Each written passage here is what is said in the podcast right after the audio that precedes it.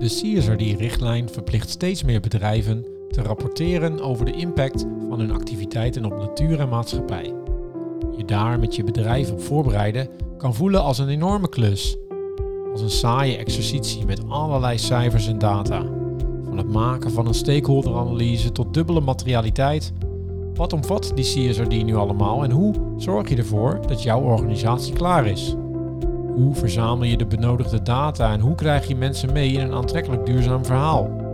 In deze podcast spreken we met Anke Laan, CSRD-expert bij EY, en met Caroline Kroeze, die bezig is de NS klaar te maken voor de richtlijn. Dit is de podcast Het Verhaal van de CSRD. Mijn naam is Michel van Kats. Hartelijk welkom, luisteraars, bij uh, aflevering 13 alweer van het seizoen uh, Het Verhaal van. Vandaag gaan wij het hebben over uh, nou, iets wat veel bedrijven op dit moment bezighoudt, de CSRD-richtlijn. Ik heb twee gasten aan deze tafel zitten. Ik begin aan mijn linkerhand. Anke Laan van EY. Hartelijk welkom, Anke. Dankjewel. En aan mijn rechterhand zit uh, uh, Caroline Kroeze van de NS. Ja, dankjewel. Hartelijk welkom. Um, Anke, ik wil graag bij jou beginnen. We beginnen gelijk, gaan er gelijk vol in. Ik las van de week een uh, nieuwsbericht uit het FD, waarin met een grote kop erboven, een kwart van de Nederlandse bedrijven is niet klaar voor de duurzaamheidsrapportage CSRD, die in 2025 verkracht wordt. Hoe kan dat? Dat is de grote vraag natuurlijk. Ja, ik ben nog gequote in dat artikel, dus uh, ja, ik zou daar een antwoord op moeten kunnen geven. Ja. Um, ja, misschien goed om even onderscheid te maken tussen de beursfondsen en de grote bedrijven. Hè? Want voor de beursfondsen geldt de CSRD al vanaf boekjaar 24. Dus mm -hmm. eigenlijk vanaf januari nu een maand zijn die, uh, die vol uh, daarmee bezig. Vallen ze onder de wettelijke regelgeving. En voor de grote niet-beursgenoteerde bedrijven geldt het een, een jaar later, dus vanaf 25. Mm -hmm. Um, nou ja, een kwart is niet klaar, uh, kopte het FD inderdaad. Uh, nou, ik, ik, weet niet of dat waar is. Hè? Uh, wat ik in mijn praktijk zie bij die beursfondsen, met name die zijn nu al vol bezig in die voorbereiding, is dat het gewoon enorm veel werk is. Dus het zijn 82 disclosure requirements, meer dan 1000 datapunten. Um, en het zijn niet alleen maar uh, uh, toelichtingen die je, zo, die je zo uit je mouw schudt en zomaar opschrijft. Het raakt de hele organisatie. Hè. Dus het mm -hmm. raakt je, je moet rapporteren over je strategie, je businessmodel, je policies, procedures, um, targets, action, action plans. Dus het gaat gewoon heel ver. Het, het raakt niet alleen de rapportagekolom, het raakt de business, het raakt uh, heel veel verschillende onderwerpen. Mm -hmm. uh, dus uh, dus nou ja, de, het is gewoon heel veel werk. Dus bedrijven die, die daarover moeten gaan rapporteren, moeten ook ja, die moeten daar echt wel wat tijd voor uittrekken om zich goed te kunnen voorbereiden. Ja, ja dus, dus zo bezien zou het niet eens zo heel gek zijn als je bedenkt dat een kwart van de bedrijven er misschien nog niet volledig klaar voor is. Als je zegt hoeveel data je moet gaan genereren en al die dingen die je net noemt. Precies, en daar zal een verschil zitten tussen bedrijven die dat nu al doen. Hè. Dus bijvoorbeeld uh, uh, nou, Philips is een bedrijf dat al 15 jaar rapporteert over duurzaamheidsinformatie. En die heeft daar ook al zekerheid bij van de, van de externe accountant. Dus zelfs een redelijke mate van zekerheid. Hetzelfde als bij de, uh, de jaarrekening. Maar je hebt ook heel veel beursfondsen en met name ook niet beursgenoteerde bedrijven die dat nog helemaal niet hebben. Dus, uh, en zelfs voor een Philips is het natuurlijk al een, een step-up ten opzichte van wat ze op dit moment doen om onder die CSRD te rapporteren. Maar uh, voor bedrijven die nog helemaal niets hebben, uh, om dat vanuit scratch af aan op te zetten, ja, dat vraagt enorm veel van je organisatie, van je ja. systemen, van je processen, van je mensen, van je resourcing. Heb je, de, heb je genoeg mensen, heb je de juiste mensen? dus, dus ja, daar moet je tijdig mee beginnen. Precies. Ik ga zo nog even wat verder aan jou vragen van ja de CSRD, wat het dan eigenlijk precies inhoudt. Hè. Je geeft nu al heel veel uh, data ja. die nodig zijn om uh, als bedrijf mee aan de slag te gaan. Ik ga even naar Carolien. Bij de NS, jullie zijn al heel, heel eind op het goede, op het goede spoor, zou ik zeggen. Bijna als grapje. ja, um, Kun je iets zeggen over waar, waar jullie nu zijn? En, uh, als je ook terugkijkt naar wat, wat Anke net vertelt. Ja, dat is inderdaad ook goed uh, wat Anke zegt van hè, per wanneer moet je aan CSRD voldoen. Voor NS geldt uh, over het boekjaar 2025, dus we hebben nog wel even de tijd. Maar we zijn al wel echt heel, nou, best een eind op weg inderdaad. Dus wij zijn, we hebben ook echt een projectteam op CSRD die door de hele organisatie loopt. Hè. Dus het is niet een feestje van duurzaamheid of van finance, maar er zit iemand vanuit duurzaam, van finance, van legal, van risk, um, compliance hè, dus, en de operatie. Dus het is echt, we pakken het NS breed uh, op. En we, hebben, we zijn sinds april zeg maar, echt met, dat, met een werkprojectteam uh, CSRD bezig. En wij zijn, hebben net de dubbele materialiteitsanalyse afgerond. Mhm, ja. Ehm, dus dat, hè, ja. Ik, ja, ik zit even ik te zie kijken. je kijken van... ik denk dat er eh, luisteraars ja. zijn die niet gelijk weten wat dat betekent. Wat is dat? Nou, dat is in ieder geval een onderdeel wat CSRD ook verplicht. Ehm, dus dat is da- dat je vanuit je strategie bepaalt van welke thema's op ESG, environment, social governance, ehm, heb jij als bedrijf impact, maak jij als bedrijf impact op, maar ook hebben impact op jou als bedrijf. Ja. Dus bijvoorbeeld eh, klimaatverandering is een eh, materieel thema voor NS. Ehm, NS heeft impact op, ehm, op wat zei ik nou, materiaal? Nee, klimaatverandering, toch? Ja, Ja, sorry. ik zeg, eh, dus wij hebben, hebben daar impact op, omdat wij aan de ene kant een positieve impact, omdat we, als je reist met eh, openbaar vervoer, heb je minder CO2-uitstoot dan wanneer de reiziger eh, met de auto zal gaan. Maar uiteraard stoten wij ook CO2 uit. Ehm, dus dat is de impact die wij ook hebben op de maatschappij. Eh, en daarnaast heeft de klimaat, heeft klimaatverandering ook impact op ons als bedrijf. Want met enorm veel storm of met heel veel regenoverlast kan het natuurlijk leiden dat bepaalde sporen bijvoorbeeld tijdelijk niet hè, bereikbaar zijn. Dus dat heeft ook weer impact op je bedrijfsvoering. Dus aan de andere kant heeft klimaat, hebben wij impact op klimaatverandering. Zowel Mhm. positief door mensen te verleiden de auto te laten staan en de trein te nemen. En aan de andere kant dus ook eh, negatief omdat we zelf eh, CO2-uitstoot hebben. Proberen we te verminderen. Maar ook dus klimaatverandering heeft ook impact op ons. Ja. Dus zo kijk je bij heel veel vanuit je strategie, heel veel belangrijke thema's. Hoe heb jij impact daarop of hebben die impact op jou als bedrijf? Mhm. En ook welke kansen en risico's brengen die weer Ja. met zich mee. En Ja. dat is wat we eigenlijk afgelopen maanden helemaal hebben gedaan. Dus we hebben nu acht materiële thema's. Eh, en die zijn we dan, hebben ook echt thema-eigenaren. Dus ook echt in de organisatie. Ehm, en die zijn ja ook weer een. ehm een CSRD-termen een buy-it aan het eh, helemaal uitwerken. Dus je beleid, actieplannen, indicatoren en targets. Want je moet daar ook wel over gaan rapporteren straks. Maar Ja. hè, wat is je beleid daar op klimaatverandering of op betaalbaarheid? Hè? Dat is bijvoorbeeld ook een thema bij NS. Ja. Ja, nou, het klinkt alsof jullie al heel ver zijn. Waar, we- weet je nog wanneer jullie hiermee zijn begonnen? Ja, we zijn in april gestart met, die, met de werk met CSRD-project. April 2023. Afgelopen- ja, ja, 23. precies. Ja, precies, Ja. ja. En, ehm, denk Maar niet dedicated met ieder. Hè? We hebben wel een programmamanager die dedicated daarmee bezig is. Ja. Maar vanuit de organisatie, ik bedoel, ik zit daar ook in, maar ik ben niet alleen maar daarmee bezig, maar ook vanuit legal of finance. Hè? Dus het is, zijn wel mensen die iets met hun werkvakgebied daar al mee bezig waren, maar niet in één keer, oh, 10 FTE fulltime daarmee bezig. Nee. Maar wel eh degene die al in hun werk er betrokken bij zijn. Ja, precies. Dus het is iets wat, wat heel veel mensen erbij gaan doen. Ja, of bij. Of het is eigenlijk als je goed nakijkt, nadenkt over wat is je eh, rol. eh, Is het ook een verandering in je rol? Omdat het CSRD Ja. gaat gewoon de, eh, heeft betrekking op de hele organisatie. Dus ook op je strategie. Dus er zitten ook mensen vanuit strategie je zitten erbij. Dit lijkt mij een heel mooi bruggetje om even terug naar Anke te gaan. Ehm, het heeft op alles betrekking. Misschien moet je even voor... we zijn vol de inhoud ingegaan, CSRD. Ehm maar ik wil ook even terug naar helemaal naar het begin. Ja. Kun je eens uitleggen van... Het gaat om duurzaamheidsrapportage. Eh, de EU heeft deze eh, ingesteld, Ja. de verplichting. Ja.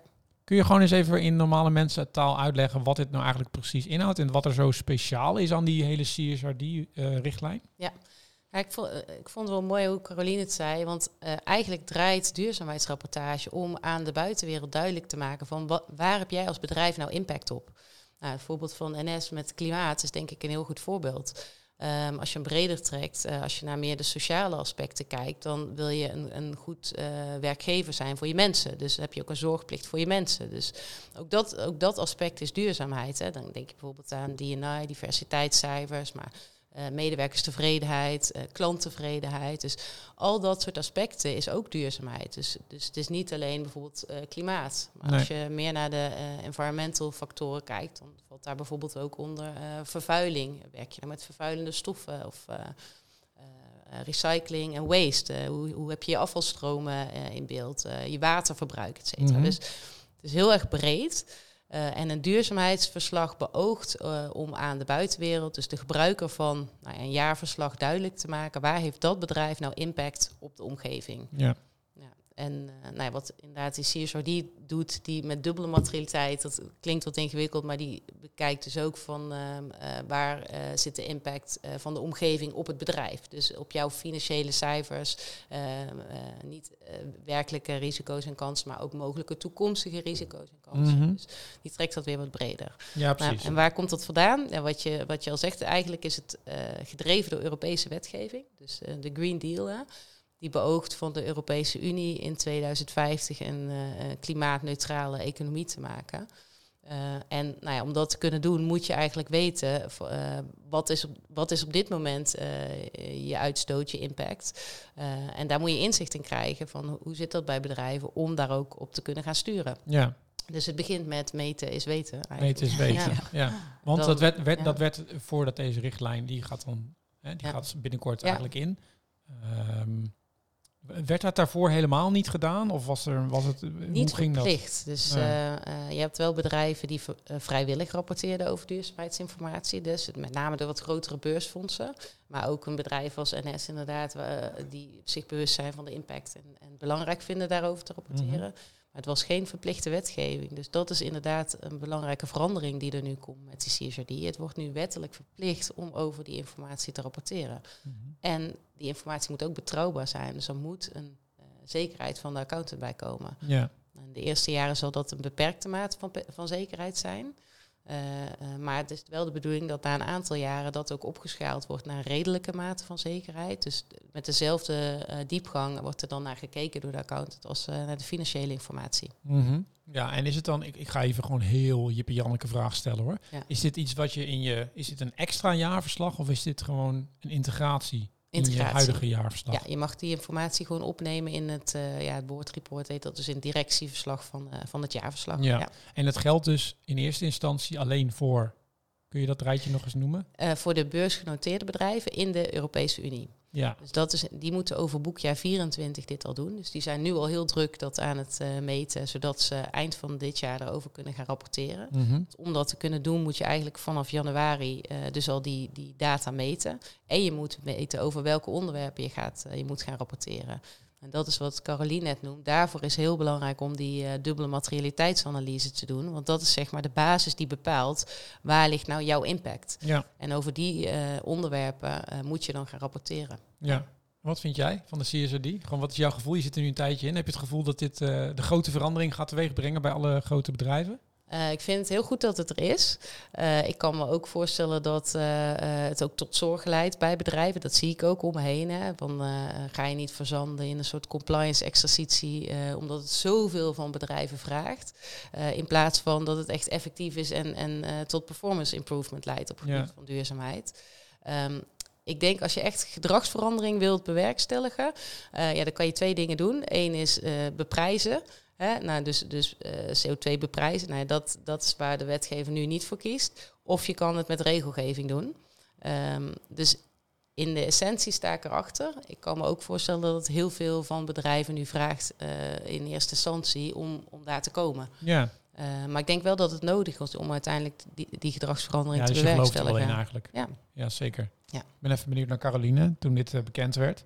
Wat was jouw, of jouw, jullie reactie bij NS toen jullie eh, dit hoorden? Ehm, nou ja, toen ik, ik ben twee jaar geleden begonnen bij, eh, bij Duurzaam Ondernemen NS. En specifiek van resultaatsturing. Dus toen ging ik me een beetje verdiepen van eh, ja, waar moet je dan op rapporteren. Toen kwam ik al wel CSRD tegen.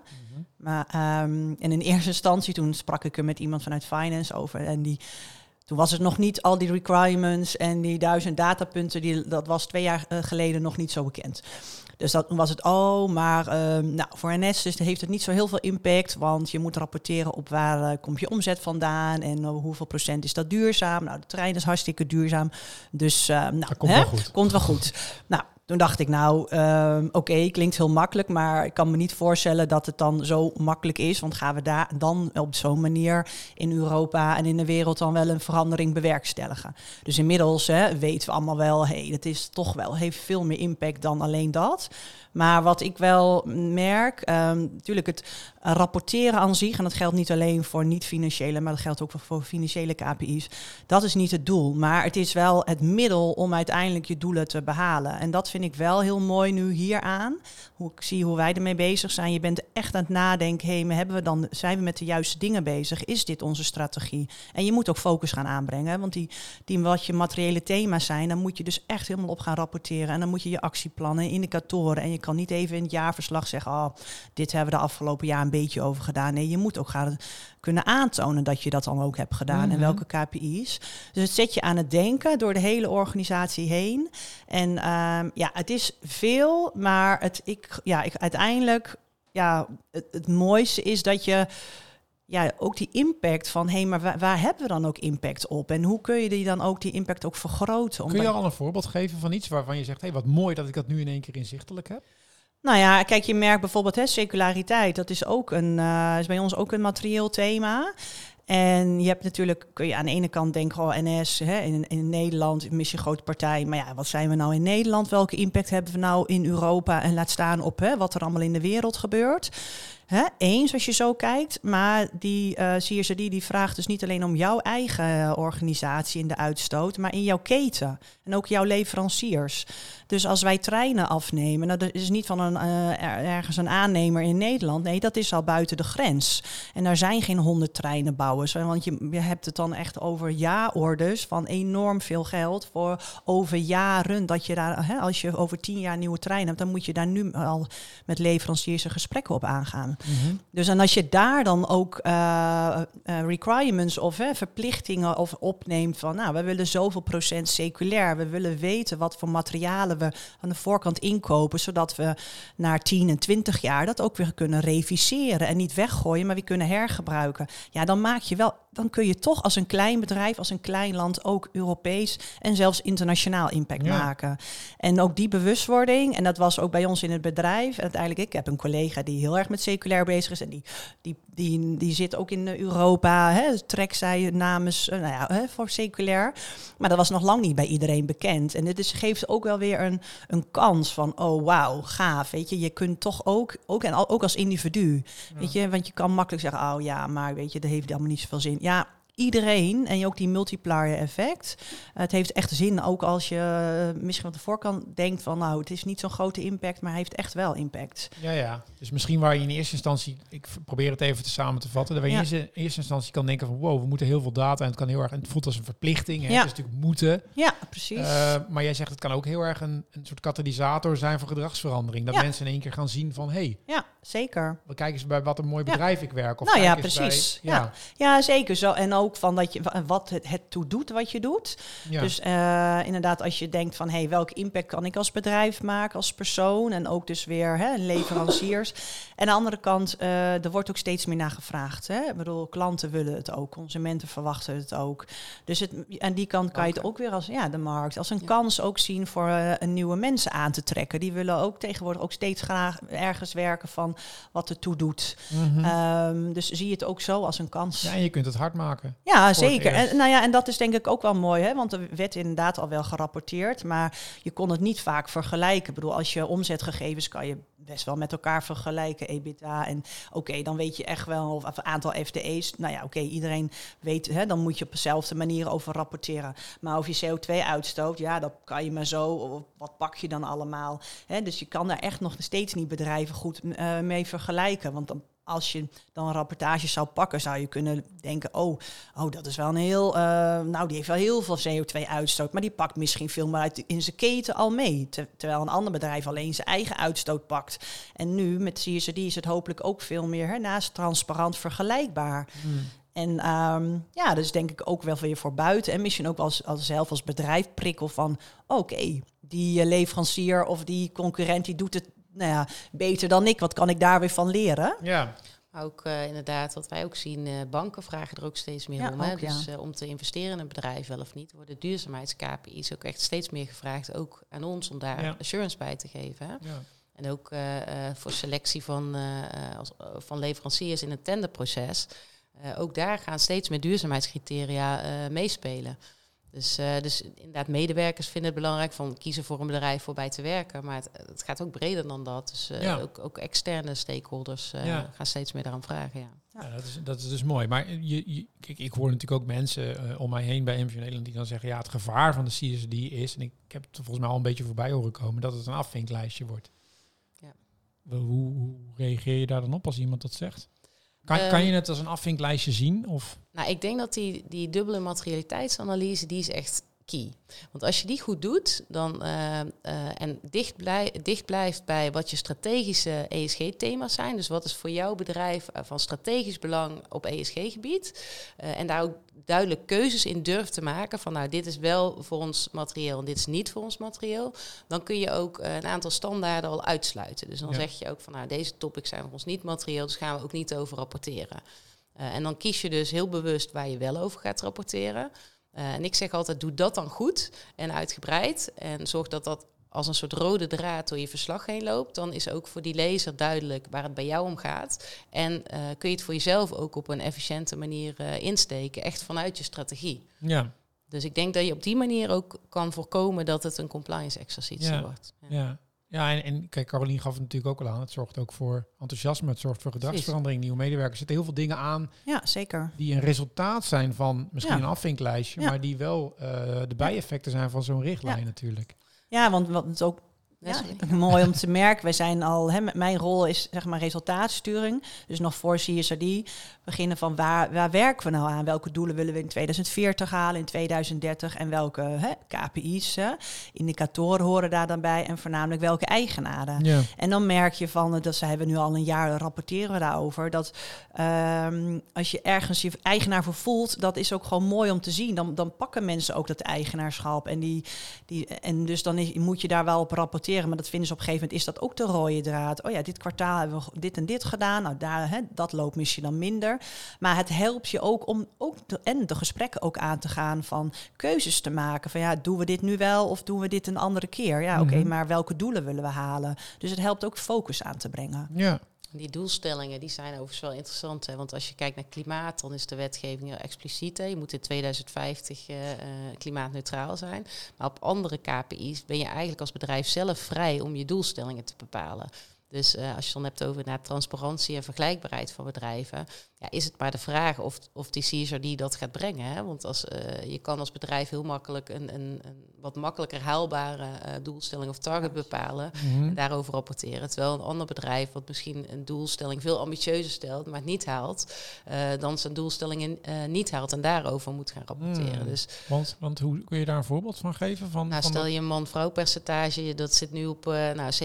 Je zegt we willen dat over vijf jaar 50-50 hebben, dus we gaan er allerlei programma's voor eh, eh, opzetten.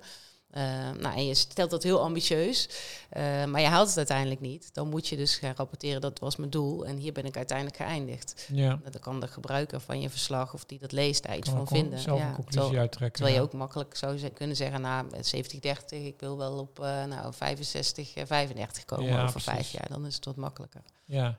En jij gaat in gesprek met dat soort bedrijven. Stimuleer je ze dan om hogere KPI's neer te zetten? Of hoe werkt dat dan precies? Nou, ik denk dat, dat je moet kijken van, kijk, bedrijven wat bijvoorbeeld als je naar CO2-uitstoot kijkt, hè, bedrijf wat nog niet zo heel veel daaraan gedaan heeft, die kan misschien in het eerste jaar heel makkelijk hele grote stappen maken door uh, met een paar kleine maatregelen, zonnepanelen, elektrische auto's, mm et cetera. Maar een bedrijf dat dat allemaal al gedaan heeft en dan nog stappen moet gaan maken. En met name ook wat jij zegt in je waardeketen, dus bij je leveranciers en je afnemers, want ook de uitstoot van die partijen ja. moet je rapporteren. Ja, dat is veel moeilijker te beïnvloeden. Dus uh, het is wat mij betreft niet zo zwart-wit dat ik zeg van je moet naar een bepaald getal toe. Ik denk nee. dat je gewoon moet kijken van uh, wat, wat, is haalbaar en wat kan, je, wat kan je nog doen, waar zit je impact? En, ja. en dat je dat op een duidelijke manier ook rapporteert. Ja. En, en, even mijn nieuwsgierigheid nu ter plekke hoor. In 2025 is dan de eerste verplichting. Moet, dan die hele, moet je dan alles al helemaal 100% perfect ingeregeld hebben? Of? Ja, dat is een goede, goede vraag. Uh, voor je, je KPI's, dus echt uh, uh, die cijfers die je moet gaan rapporteren op bijvoorbeeld CO2-uitstoot of, of aantal sociale KPI's, die moet je in principe wel over het hele jaar kunnen rapporteren.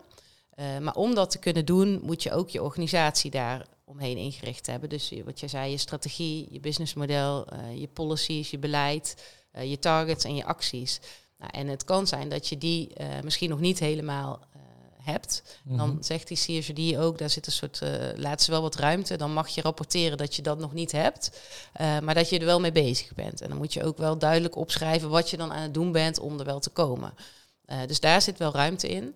Ehm, en ik denk dat dat bedrijf ook zeker in het eerste jaar ook wel, eh, wel kan helpen. Ja, precies. Ja. Dus er zit wel wat, wat lucht, Ja. ja. zeggen. Ja, Ja. ja, ja. Ehm, ik wil even door naar, ehm, naar een ander nieuwsbericht, wat ik eh, pas geleden las. Ik begon met een nieuwsbericht, maar je ziet ook dat, een, eh, dat twee derde van de MKB-bedrijven eigenlijk niet zoveel weet van de Europese eisen voor die duurzaamheidsrapportages. En nou zijn veel van onze luisteraars naar deze podcast MKB'er of werken bij een MKB-bedrijf. Terwijl de beursgenoteerde MKB'ers er in 2026 correct me if I'm wrong, Anke, er ook mee te maken krijgen. Klopt, ja. Wat zegt, wat zegt zo'n nieuwsbericht jou dan? Volgens mij komt er voor die bedrijven wel een soort light standaard. Hè? Dus er zullen wel eh, de, de rapportageverplichtingen zullen minder intensief zijn dan voor de, eh, ja, de niet-SME-beursfondsen. eh, en voor de grote bedrijven.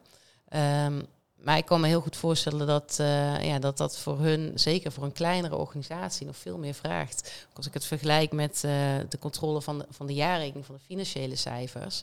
hè, want ik ben ook van, van achtergrond accountant.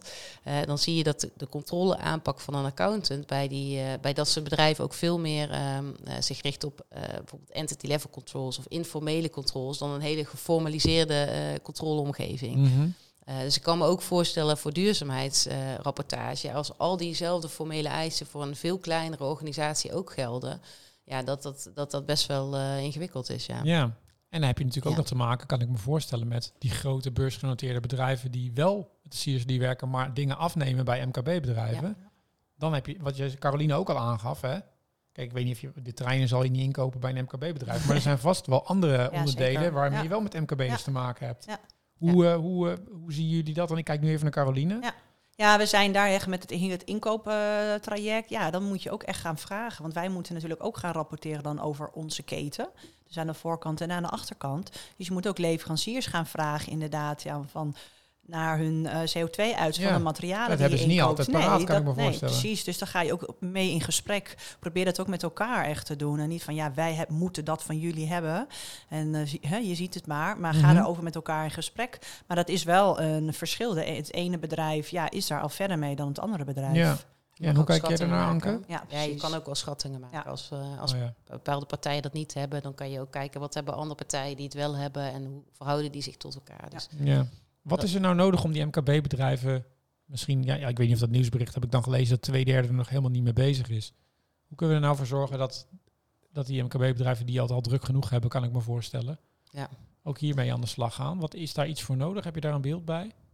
Ehm, nou, ik denk wat jij zegt, vind, vond ik wel mooi. Van, eh, kijk, je ziet het bedrijf ook enthousiast worden op het moment dat ze zien waar hun impact zit. Dus Ja. door ze ook een stukje bewust eh, te maken van, eh, ja, hoe werkt dat nou? Wat is nou voor jouw bedrijf van belang? Hoe kan je er ook voordeel voor jezelf uithalen? Wat ik ook al zei, op een gegeven moment geloof ik echt wel dat, dat financiers, die gaan, nu is het nog een soort rentekorting die je kunt krijgen als je voldoet aan, aan bepaalde duurzaamheids-KPI's. Maar op een gegeven moment kan ik me ook voorstellen dat, dat ze zeggen, nou, eh, om überhaupt een financiering te kunnen krijgen, stellen we wel bepaalde eisen aan eh, duurzaamheidsinformatie.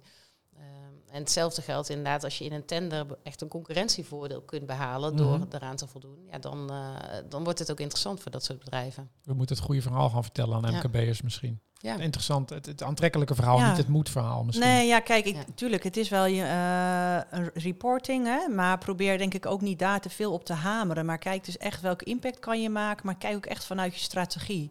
Mhm. En als je daar goed over nadenkt en met een stakeholder-analyse, en nou ja, hè, dat, dat kan ook zo breed zijn als je maar wil, hè, maar een MKB weet ook wel welke, wat zijn stakeholders zijn en daarover in gesprek gaan. Dat doe je meestal ook wel eens in de zoveel tijd, ook überhaupt voor, hè, nu ook al voor je jaarverslag. Ja, wat vinden die partijen, hè, die stakeholders belangrijk? En dat kan je ook helpen van, oké, deze thema's zijn dus voor onze stakeholders heel belangrijk. En, en hoe, hebben wij, hoe gaan wij daar dan mee om in ons bedrijf? Hebben wij dat dan in onze strategie? eh, hoe, dus probeer ook vanuit die kant te kijken. Ja.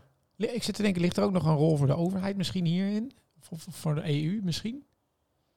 Of is dat too far-fetched? Nou ja, hoezo niet? Ja, ik, ik ja, ehm, kijk, het moet wel behapbaar ook zijn. En ik kan me heel erg voorstellen dat je als, als jij een MKB-bedrijf hebt, je hebt misschien één of twee mensen op finance, dat je denkt, ja oké, hoe gaan we dit doen? Ja. want je kijkt snel natuurlijk naar finance, omdat het reporting is. Maar ja, dat is het helemaal niet. Het gaat natuurlijk, het moet wel in je rapportageproces mee, maar het moet onderdeel worden van je hele organisatie. Maar ja, toch misschien met een paar handvatten. Want als je echt die, eh, de ESRS'en gaat lezen met uh, inderdaad 900 datapunten. Nou, dan uh, snap ik ook echt wel dat je dan denkt, nou weet je, dit is zoveel, ik, ik begin er maar niet aan. Hè? Bijna dat je zo kijkt. Ja. Dus toch misschien nog iets meer van ja, start hiermee of met vergelijkbare van nou ja, is dit, uh, want je hebt ook wel soms van die bedrijfsspecifieke lijsten, dat komt geloof ik ook nog wel. Hè? Van nou, als je zo'n bedrijf bent, dan is vooral dit en dit belangrijk. Er kan best, misschien nog best wel een rol in zitten. Ja. Zijn er al tools beschikbaar voor MKB'ers om, om op een aantrekkelijke stap-voor-stap manier hiermee aan de slag te gaan? Ja, het is wel interessant, want um, wij, wij hebben zeg maar vanuit EY als om bedrijven te adviseren een, een, tool ontwikkeld. Hè? Nou, de ESG-suite noemen we dat dan, waar, waarmee we die materialiteitsanalyse voor een bedrijf kunnen faciliteren. En, en vervolgens uh, uh, ja, een CSRD-gap-analyse begin je dan meestal mee. Van wat heb je al en wat moet je hebben? Nou, dan heb je die gaps in beeld en dan ga je ze dichten. Mhm. En voor, wat laatst intern ook een discussie van hoe kan je dat nou voor MKB-bedrijven ook interessant maken? Dan zou je het denk ik veel meer uh, sectorspecifiek moeten insteken. Dus dat je meerdere bedrijven tegelijk op die manier kan uh, adviseren. Mhm. uh, omdat dan hou je ook het kosten-baten-aspect voor die bedrijven denk ik interessant. Hè? En dan hebben ze toch de, ja. de, de, tools die je, die je nodig ik hebt. Ik denk wel dat dat een zinvolle exercitie gaat zijn, ja. ja. Um, ik wilde eigenlijk aan jou vragen, Carolien, wat de grootste verandering is die de CSR die nu al heeft bewerkstelligd. Ik denk wel dat we dat al min of meer besproken hebben. Maar dan ben ik ook wel benieuwd naar de andere kant. Wat is nu het grootste obstakel waar je tegenaan loopt? Wat is het grootste uitdaging? Um, nou ja, wel ook het behapbaar maken, houden ook. Hè. Um, en natuurlijk voor NS geldt ook, uh, wat voor veel organisaties op dit moment ook wel uh, geldt. Ja, we moeten ook op ons geld letten natuurlijk. Ja. ja dus uh, de reizigersaantallen zijn eigenlijk niet meer teruggekomen, de aantallen na, van corona daarvoor. Je kosten gaan wel, hè, stijgen wel gewoon. je rijdt wel op alle trajecten, rij je nog steeds die trein, zeg maar. Um, dus dan krijg je al wel snel, oh, doen we niet te veel. Mm want mhm. duurzaam wordt toch vaak gezien, oh, dat is misschien dan, uh, doen we dat, dan uh, is misschien te duur. Of, en je dat gesprek aangaan en ook dat meenemen, ook in je investeringsvoorstellen van, ja, misschien de meest duurzame optie is misschien net hè, te duur. Maar eentje daaronder die nog steeds ook heel duurzaam is en op langere termijn, die is dan de meest optimaal en niet voor de goedkoopste. Want de goedkoopste hoeft, dat is ook vaak helemaal niet hè, voor duurzaam. Dat mm je mhm. dat twee jaar later weer moet vervangen bijvoorbeeld. Hè? Ja. En ga ook echt na van heb je ook überhaupt, hè, als iets kapot is, of uh, moet je dan meteen weer iets nieuws doen? Of vraag je eerst af van hebben we dat wel nodig? Dus de gesprekken die nu wel gaan, is het wel van ook hè, naar aanleiding van dubbele materialiteitsanalyse. We hebben op die thema's ook een bepaald ambitieniveau. Hè? Je hebt een ambitieniveau dat je, je kan ook zeggen, nou we doen wat, er, wat de wet verlangt en niks meer. Ja, en je kan natuurlijk ook zeggen, we zijn koploper. Nou, zo heb je zeg maar een soort van vier niveaus. En per thema hebben we daar een niveau aan gegeven. Van een aantal zeggen, nou, daar willen we echt wel koploper in zijn. Een aantal zeggen, nou ja, iets minder. Um, maar ja, dat, kan, dat, dat levert natuurlijk wel van, oké, maar als je dan koploper bent, kost dat dan ook weer veel meer geld of tijd. Hè? Ja, dus en dat is natuurlijk, maar dat zijn ook de goede vragen. Want ik ben Um, ik heb ook een financiële achtergrond, dus ik heb altijd uh, financiële rollen gehad. Dus ja, je kan je geld maar één keer uitgeven. En je wil dan ook juist daar uitgeven. En ook je capaciteit en je mensen kan je ook maar één keer het goede mhm. werk laten doen. Mhm. Dus dat je ook met elkaar die focus brengt van ja, dit vinden we heel belangrijk. Uh, en dat ook. Maar dan gaan we, dan moeten we misschien niet net het, het beste jongetje van de klas, maar ja, hè, dan eentje net iets minder, hè, zeg maar. Dus maar blijf dat gesprek met elkaar aangaan. Ja, precies. En vanuit verschillende disciplines binnen de organisatie. Ja precies. Ja, zeker. Vanuit je strategie, maar ook vanuit finance, maar ook vanuit risk. Hè? Ik bedoel, van welk, welk risico lopen dan als we het niet doen? Mhm. Ehm, ja, weet je, op die manier moet je met elkaar, uh, natuurlijk vanuit duurzaamheid, dan zeg je, oh, we willen het, het hè? de, beste. En dat, dat doet natuurlijk, zou, pak iedereen doet dat in, hè? vanuit legal zeg je, ja, maar moet precies alle regeltjes. Hè? Dus, maar ja, wat, wat is nou wijsheid en kan je nog ergens de grens opzoeken bijvoorbeeld? En, uh, maar ja, heb daar ook op het hoogste niveau het gesprek over. Ja. Kijk, ik zie Anke knikken. Herken jij dit ook in de gesprekken die jij hebt? Ja, absoluut. Want kijk, ik, ik vind veel uh, belangrijker dat je waar je die strategische keuzes maakt, dat je dat dan goed doet. Dan dat je uh, maar zorgt dat je aan al die duizenden disclosure requirements ja. gaat, gaat rapporteren. Dat, dat zegt uiteindelijk ook niks. Dus, en waar, waar ik ook wel op aanhaakte is, ehm, kijk, je noemt al heel terecht, denk ik, het, het raakt heel veel verschillende mensen in de organisatie. Zorg ook dat je al die mensen meeneemt. Want CSRD is een veranderingstraject. Nou, verandering stuit per definitie op weerstand bij mensen. ze gaan zich afvragen van hoe zit het met mijn rol? Wat betekent dit voor mij? Uh, een stukje persoonlijke veiligheid ook. En besteed daar ook aandacht aan. Want als je, als je daaraan voorbij gaat en gaat puur op die inhoud, je moet dit nu rapporteren, ja, dat, dat gaat niet werken. Nee. Dus, ik herken dit heel erg. Ik zit natuurlijk op communicatieafdeling. En dit, ik, moet ook erg denken, de CSRD moet gewoon ook heel goed verteld worden. Precies. Moet je ook niet met communicatie en marketing aan tafel heel erg gaan zitten. Oh ja, zeker. ja, precies. Die, die, moeten er ook bij betrokken worden. Ook, ook is het niet voor intern, maar is het ook wel voor extern. En het verhaal wat je op je website vertelt. En die rapportage wat je ook al aangaf. Ja. Je kan het niet altijd hard maken. Soms moet je gewoon een verhaal eromheen vertellen. Dus ik denk dat daar ook absoluut een rol voor... Uh, ik nog maar even mijn afdeling. Nee, zeker. Ja, communicatie is ook zeker betrokken. En vooral op, op dit moment ook om het intern ook hè, te vertellen. Want best wel heel veel mensen weten er inmiddels van. En dan uh, sommige mensen dan nog niet en hebben dan iets gehoord. Dus dat we ook een nieuwsbrief van wat zijn we dan allemaal aan het doen en, en waarom en hoe raak jou dat. Ja. En het leuke is dat je ook wel soms mensen dan die, oh ik wil ook iets doen, dus kan ik dan bij duurzaam ondernemen? Nee, in jouw eigen rol kan je ook, je hoeft niet allemaal bij duurzaam ondernemen te werken om iets met duurzaamheid te Precies. doen. Juist helemaal niet. Kijk ook in jouw eigen rol, ook op de werkvloer, wat kan jij daar nou doen? En dat is ook juist ook wel weer, wel weer mooi hoor. Dat je ook ja, kun je bijvoorbeeld een podcast opnemen met MVN Nederland? Nou, precies, ja. ja. ja. Um, over MVO Nederland gesproken. Ik wil nog even een haakje maken, Caroline. Jij hebt uh, meegedaan aan, uh, een van aan een community of practice bij ons. Ja, klopt. Uh, een traject rondom de CSRD. Ja.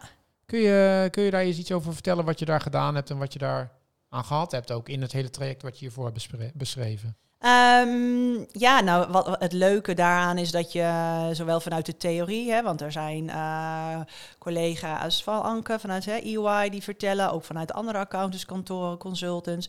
Um, dus je hoort de theorie, uh, de, ja, de theorie, vervolgens ook de praktijkverhalen. Er zitten andere collega's of mensen vanuit duurzaam ondernemen, ook finance. Je zit met elkaar aan tafel je, je gaat ook in gesprek van, oké, maar wat heb jij dan gedaan? Hoe loop, hoe, hè, waar loop jij tegenaan? Ook letterlijk soms tips dat je denkt, oh, dat is ook nog een goed idee. Mm dus je leert ook met elkaar het erover hebben. En, en ik vond het soms ook wel eens ook wel leuk dat ik dacht van, want we zijn bij NS al wel heel ver, maar als je erin duikt, dan denk je ook wel, oh, we moeten ook nog zoveel doen. Dan hoor je ook wel, oké, maar er zijn ook nog wel inderdaad bedrijven die ook nog wel weer hè, veel moeten doen. Ja. Maar het is, het is mooi om met elkaar uh, ervaringen uit te wisselen. En je kan ook gewoon vragen aan elkaar stellen. En ook uh, soms, oh, gewoon, heb jij daar een goede sheet voor? Of heb je een goede rapportage? En vorige keer heb ik zelf dan ook nog een presentatie gegeven. En dan merk je ook als je vanuit de theorie weer wat vertelt van waar wij tegenaan zijn gelopen, dat je dan ook weer andere mensen helpt die dan zeggen: Oh, oké, oh, dat, oh, hoe heb je dat dan gedaan? Oh ja, een mooi haakje. Dat kan ik dan mhm. ook wel. Uh, ja, je moet het toch met elkaar gaan doen. Ja. Ja, precies. Want je leert eigenlijk met een hele grote, grote groep bedrijven uit allerlei sectoren. Ja, hè? Dat is natuurlijk ook wel interessant dat je van andere sectoren die toch weer anders aanpakken. Ja, hè? zeker. Ja. Um, Oké, ja, en, wat is nu hetgene, die, die, die community practice is nu afgelopen. Uh, wat is nu hetgeen wat je, wat je, wat je meest, kun je een concreet voorbeeld noemen, wou ik vragen, van wat je daar hebt meegenomen? Wat je nu in de praktijk gebruikt? Um, Oeh, dat vind ik even. Ja, nou ja, dat, nou ja, dat is laatst. Toen was er zeg maar ook een presentatie en uh, het was gewoon een, een mooie slide met hoe, hoe je het presenteert. Ja. Hè? Dus de KPI's. Toen dacht ik, oh ja, dat ziet er. Want het, je, het moet ook een beetje aantrekkelijk zijn. Hè? Dus, ik bedoel, je kan allemaal lappen tekst. Nou ja, dan, dan wordt sowieso niemand. Ja. ja. dus weer communicatie.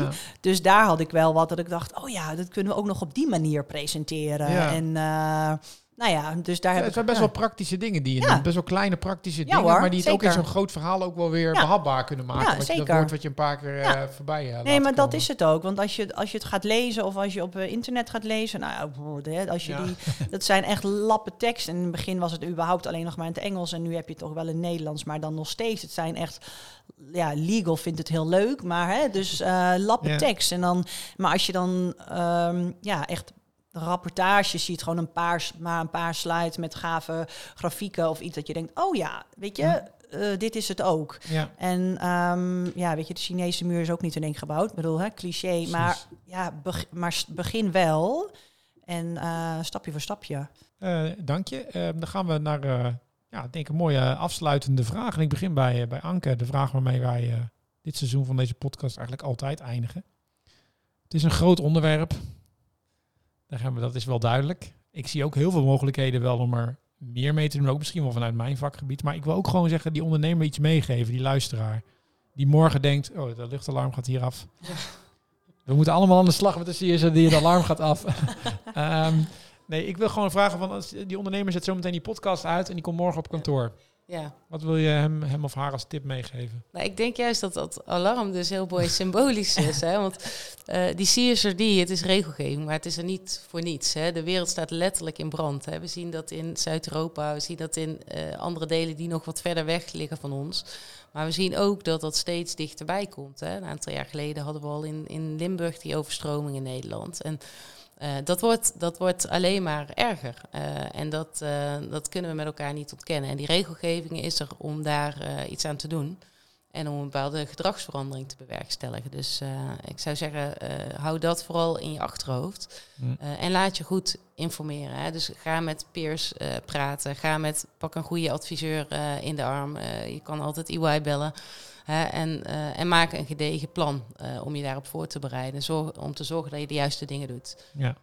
ja. Nou, super. Carolien? Toe te voegen terwijl het alarm lekker doorgaat? ja, nou ja, dat is het natuurlijk wel. Hè, van een start uh, met een goed plan en met elkaar. Um, maar heb het doel dus, hè, waar is het voor? Niet zozeer die reporting, maar uiteindelijk omdat we dat je met je bedrijf uh, iets in gang wil zetten. Om uiteindelijk ja, voor je eigen generatie en de generatie na je en hopelijk daarna ook een mooie wereld achter te laten. En je kunt het wel ja, het, we kunnen het niet meer uitstellen. We, we moeten er gewoon aan, aan gaan beginnen. Ja. Nou ja, dat, dat moest wel en dat doen we al, maar het moet gewoon nog meer. Ja.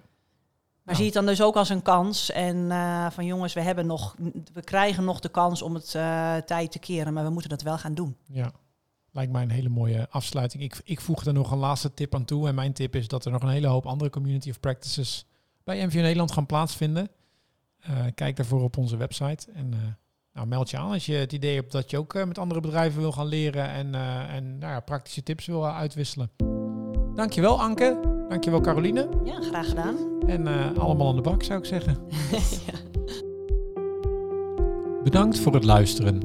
Wil je ook aan de slag met de CSRD? MVO Nederland organiseert ook dit jaar weer volop events. Ga naar www.mvonederland.nl slash events en zie direct welke events voor jouw organisatie relevant zijn.